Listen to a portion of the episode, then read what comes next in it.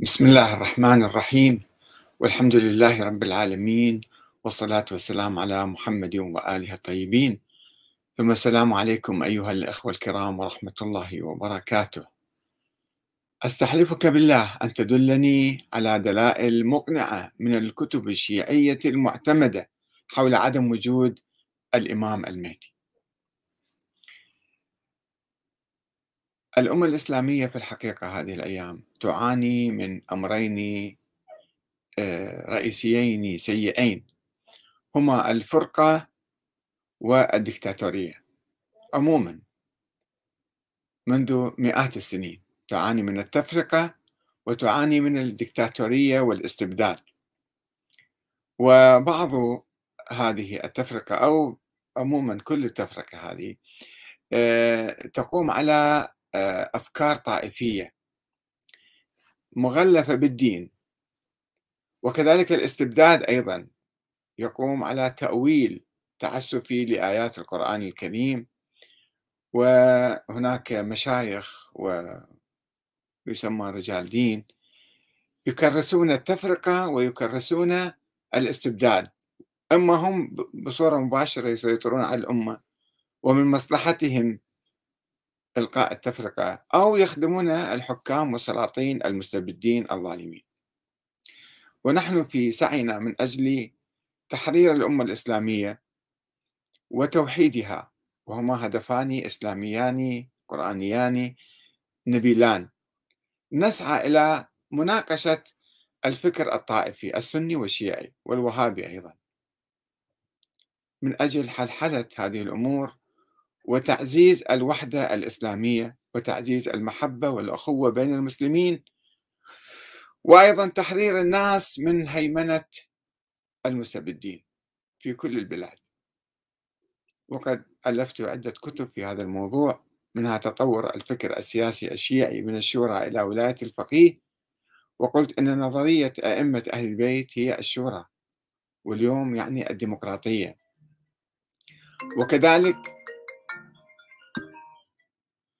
وكذلك آه، كتبت عن تطور الفكر السياسي السني نحو خلافة ديمقراطية وانتقدت الفكر السياسي السني القديم ولاحظت التطورات التي نشأت في هذا الفكر خلال المئة سنة الماضية.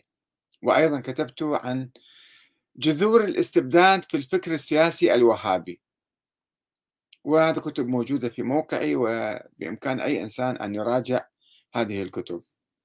ويناقشني فيها والنقاش مفتوح لجميع الناس.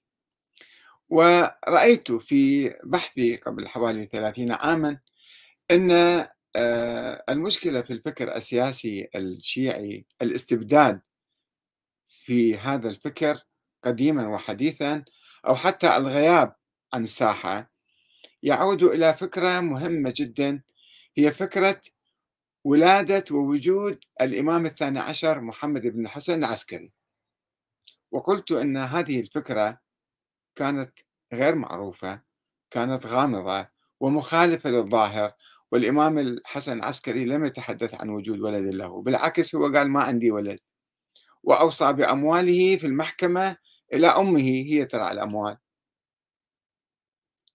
ولكن بعد فترة جاء العباسيون والبويهيون في القرن الرابع الهجري ومن أجل مكافحة التمدد الإسماعيلي الفاطمي الذي ظهر آه، الإمام المهدي تبع الإسماعيلية والفاطمية وأقام الدولة الفاطمية بالمغرب وزحف إلى آه، شمال أفريقيا كلها إلى القاهرة ومصر والحجاز والشام وكاد يستولي على بغداد.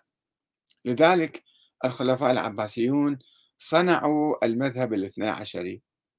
وأيضا المذهب الاثنى عشري يقوم على هذه الفكرة أن هناك إمام مخفي مستور لم يره أحد هو محمد بن الحسن العسكري.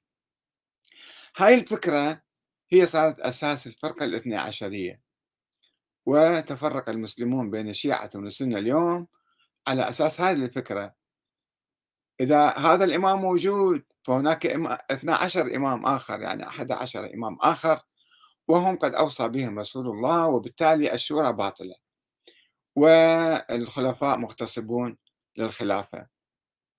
وهذا ما يحدث التوتر بين المسلمين والخلافة الآن بين المسلمين على قضية تاريخية قبل 1400 سنة وليس على ما هو موجود اليوم.